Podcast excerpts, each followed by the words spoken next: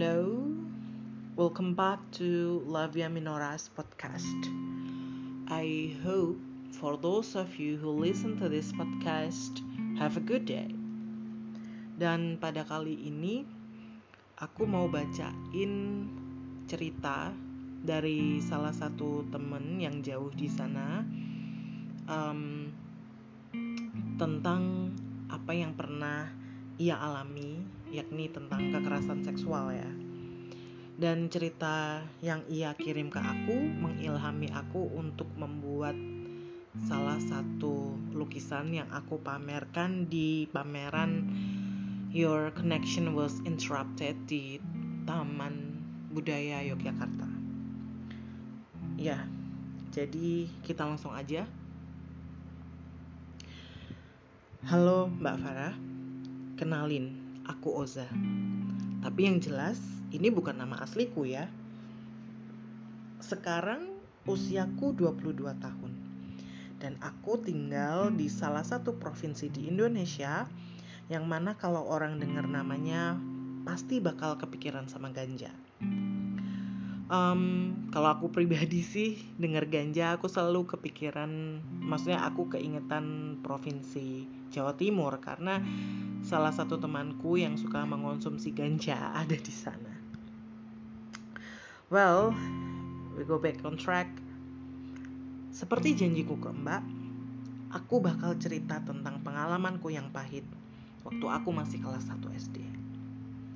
Pada saat itu, aku dan semua tetanggaku sedang mengungsi di satu tempat, semacam stadion, karena tempat tinggal kami sedang tertimpa bencana tsunami.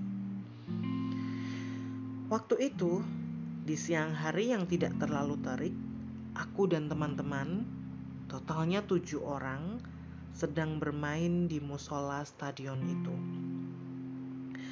Lima orang di antara kami adalah laki-laki, dan kami semua seumuran. Meskipun gak satu sekolah, kami akrab satu sama lain karena kami pergi mengaji bersama, pergi tarawih bersama. Pada waktu itu, teman-teman laki, teman-teman cowok menyuruh kami berdua, aku dan temanku, anak perempuan, untuk tidur telentang di lantai yang beralaskan karpet musola dan anak-anak laki anak-anak laki-laki bilang kalau mereka ingin menggulung karpet musola dengan kami berada di dalamnya. Sebagai teman, aku dan temanku menurut saja apa yang mereka mau. Akan tetapi, sesuatu tidak terduga terjadi. Tiba-tiba saja mereka menindih tangan dan kaki kami.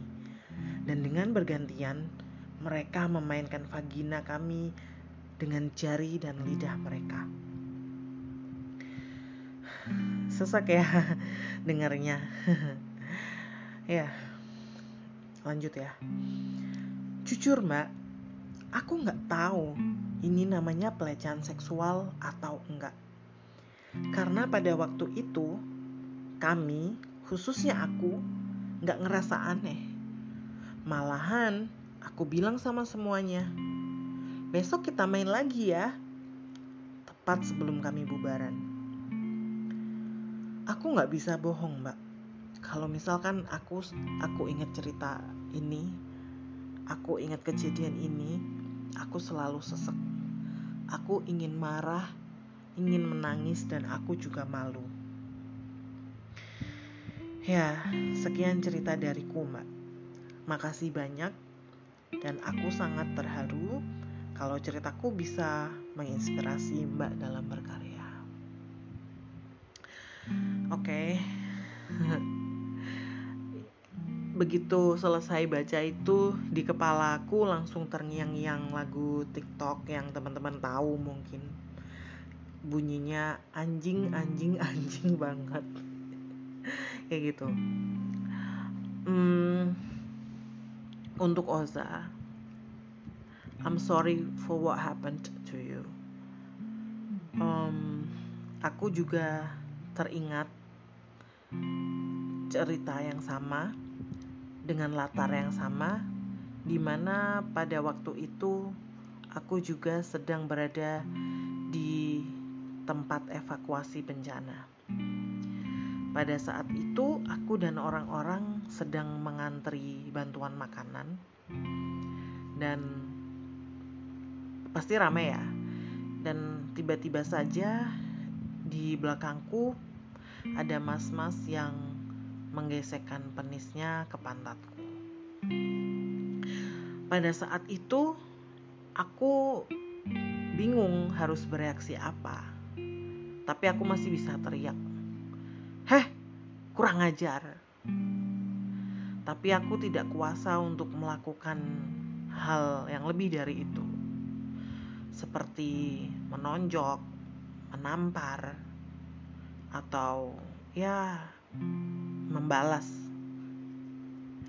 Um, dan aku herannya kenapa pada saat terjadi bencana alam orang-orang seperti dia seperti teman dalam tanda kutip ya Osa seperti temanmu dan seperti pria itu masih bisa menghadirkan bencana manusia ke hadapan kami ke hadapan kita aku benar-benar nggak tahu kok bisa setega itu ya mereka ini. Anyway aku juga keingetan um, file PDF yang pernah di share oleh Komnas Perempuan. Kalau nggak salah dua tahun lalu dua tahun atau setahun lalu aku lupa. Um, di situ ada keterangan tentang 15 bentuk kekerasan seksual.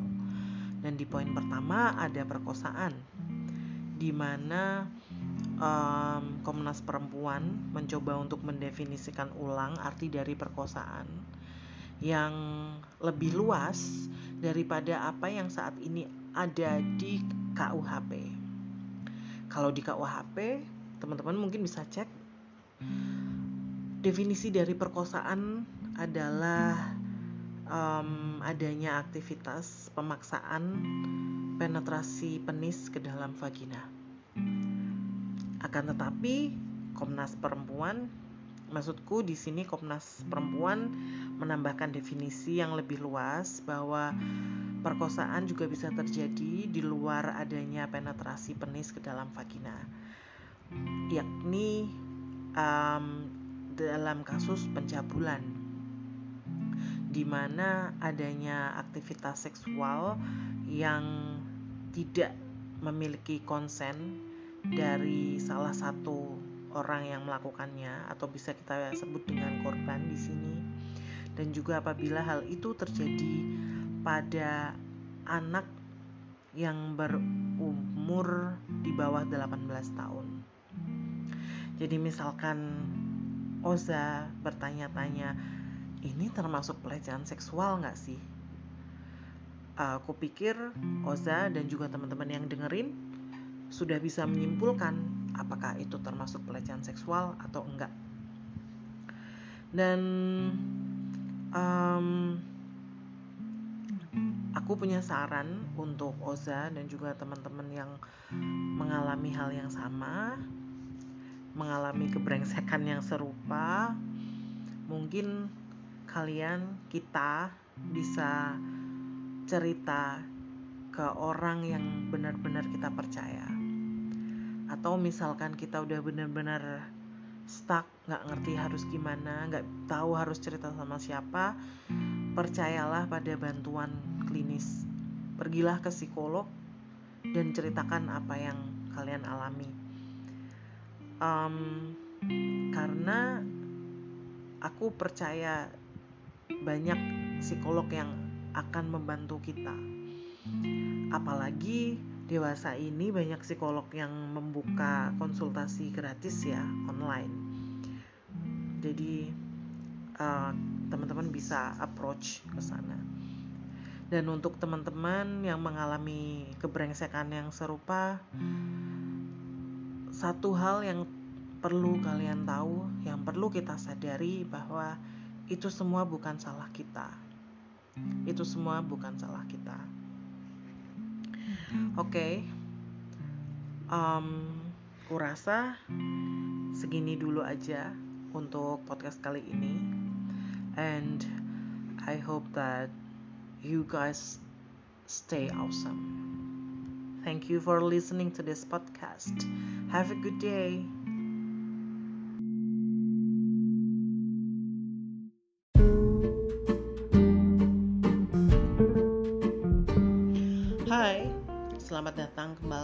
Di podcast Lavia Minora. Aku harap untuk kalian yang dengerin podcast ini berada dalam kesehatan lahir dan batin yang baik dan juga diberi limpahan rezeki yang cukup. Kali ini aku mau bacain cerita dari salah satu teman dekatku yang mana cerita ini masih berkaitan dengan karyaku Barut Neraka. Dan um, cerita ini datang dari temanku yang bernama Jerry dan karena kami sama-sama belajar bahasa Inggris, kami sering banget ngobrol pakai bahasa Inggris, makanya chat atau cerita yang dia kirim ke aku juga berbahasa Inggris. Jadi aku akan baca sesuai dengan apa yang dia tulis ya. Dan juga I'll let you guys know firstly that Jerry is a gay mm-hmm. and he's proud of being in LGBT community. So let's not waste our time. Hi bitch. He always calls me bitch by the way. This happened when I was a freshman in university. So there's this time when my class was over and it's time to go to the next class. My classmates and I were all waiting outside the classroom that we're supposed to be at the time because it's still full of students. After quite a while, a group of sophomores finally got out of the classroom. Soon, I tried to get into the classroom, but there's this big guy in front of me. Not gonna lie, bitch, he's handsome, tall, and athletic. Everyone knew that. He's around 185 centimeters, while I was only 165. All of a sudden, he grabbed both my hands and pinned them on the wall while slowly getting me seated on the chair under me. My body was completely locked. He's too strong. I couldn't move while he's trying to kiss me in front of everybody. I kept saying, Please, let me go. Let me go. But he didn't listen. My voice was shaking. My knees were all weak. My friends all froze. No one helped me when I was publicly humiliated and scared the fuck out. After minutes, he let me go. He looked at me like a sociopath and went away. I ran to the bathroom right after. I washed my face and blank stared at my own reflection in the mirror, trying to process what just happened. Well, bitch, he didn't actually kiss me. He just did it for fun, but his fun turned into a traumatic experience for me. You know, bitch, it's like a few minutes of my life that I that never stops haunting me down. He claimed to be straight to everyone, and I was the gay one. Well, let me get this straight. Now, let me get this gay. Let me f- let me fucking scream it to you so it can finally pass through the thick fucking skull of yours so you stupid ass trash can process it can process it with your two fucking brain cells left. He wrote it in caps lock by the way. Gay people are not fucking toys. We're fucking valid. We don't fucking like every fucking man. We're still fucking humans with fucking feelings. For fuck's sake, stop grabbing stop grabbing us. It's not fucking funny. We're fucking disgusted. We're not turned fucking on by a piece of shit like you. God damn it, fuck. Uh, oh my god, bitch. Bitch, oh my god. I'm so speechless. I never thought that behind your colorful soul, you're under the pressure.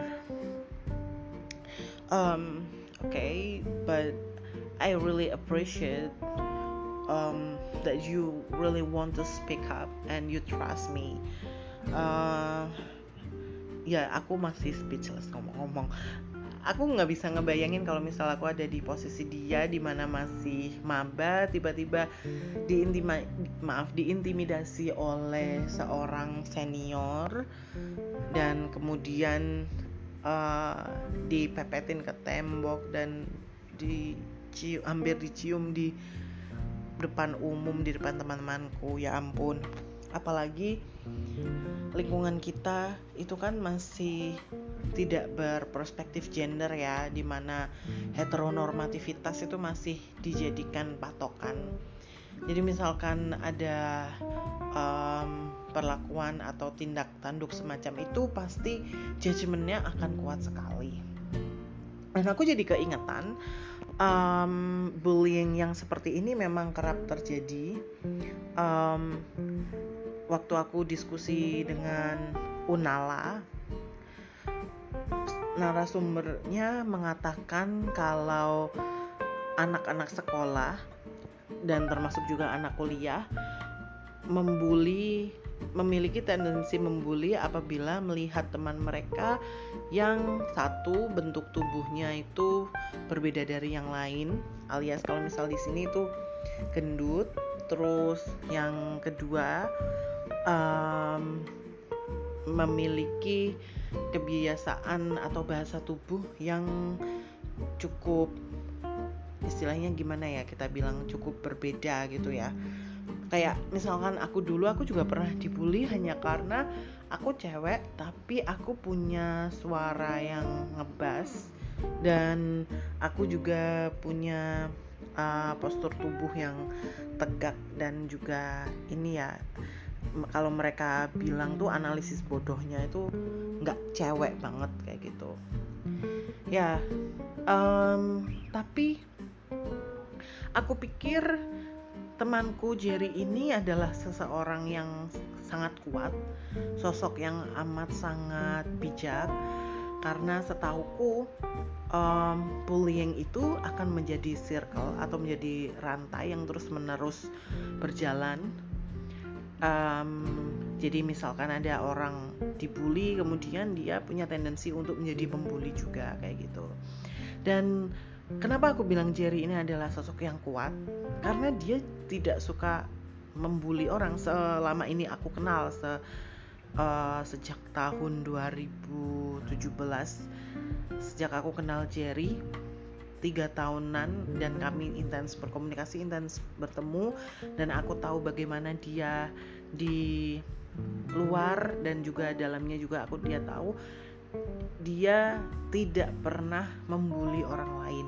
Dan itulah yang aku salutkan dari Jerry dan aku harap untuk teman-teman yang lain yang mengalami pembulian seperti ini aku harap teman-teman juga mau untuk memutus tali pembulian itu dengan tidak menjadi pembuli juga. Dan ngomong-ngomong tentang LGBT community, um, aku jadi teringat dengan pertanyaan yang diajukan oleh temanku waktu beberapa hari lalu kami mengobrol. Uh, menurutmu salah nggak sih? Dia bilang gini, menurutmu salah nggak sih kalau misalkan aku bersikap netral terhadap LGBT community maksudnya di sini adalah aku nggak membela tapi aku juga nggak memusuhi dia bilang kayak gitu terus um, aku mikir waktu waktu itu aku jawab seperti ini.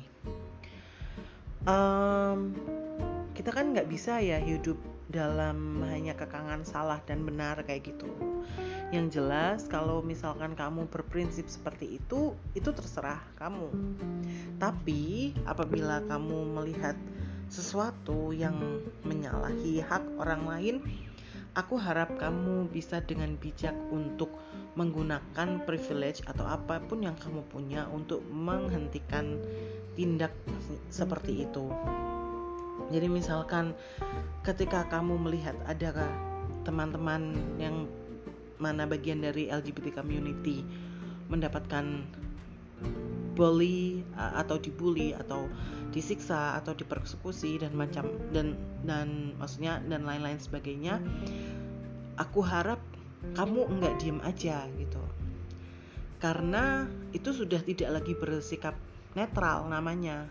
Tapi eh karena kamu membiarkan uh, kejadian itu kejadian yang tidak menyenangkan itu terjadi. Jadi untuk teman-teman kita semua aku harap kita memahami bahwa um, ketika kita memiliki teman atau keluarga yang mana mereka uh, juga tergabung dalam LGBT community Aku harap kita tidak memberikan judgment dan kita selalu bisa mampu menempatkan diri dan apabila kita klaim kalau kita straight maka jadilah Allah yang baik. Oke. Okay. Jadi segitu aja untuk podcast kali ini. Aku harap untuk kalian semua selalu diberkahi dengan kekuatan dalam menjalani hari-hari tetap semangat dan don't let don't let negative vibes um, steal your day. Okay, see you.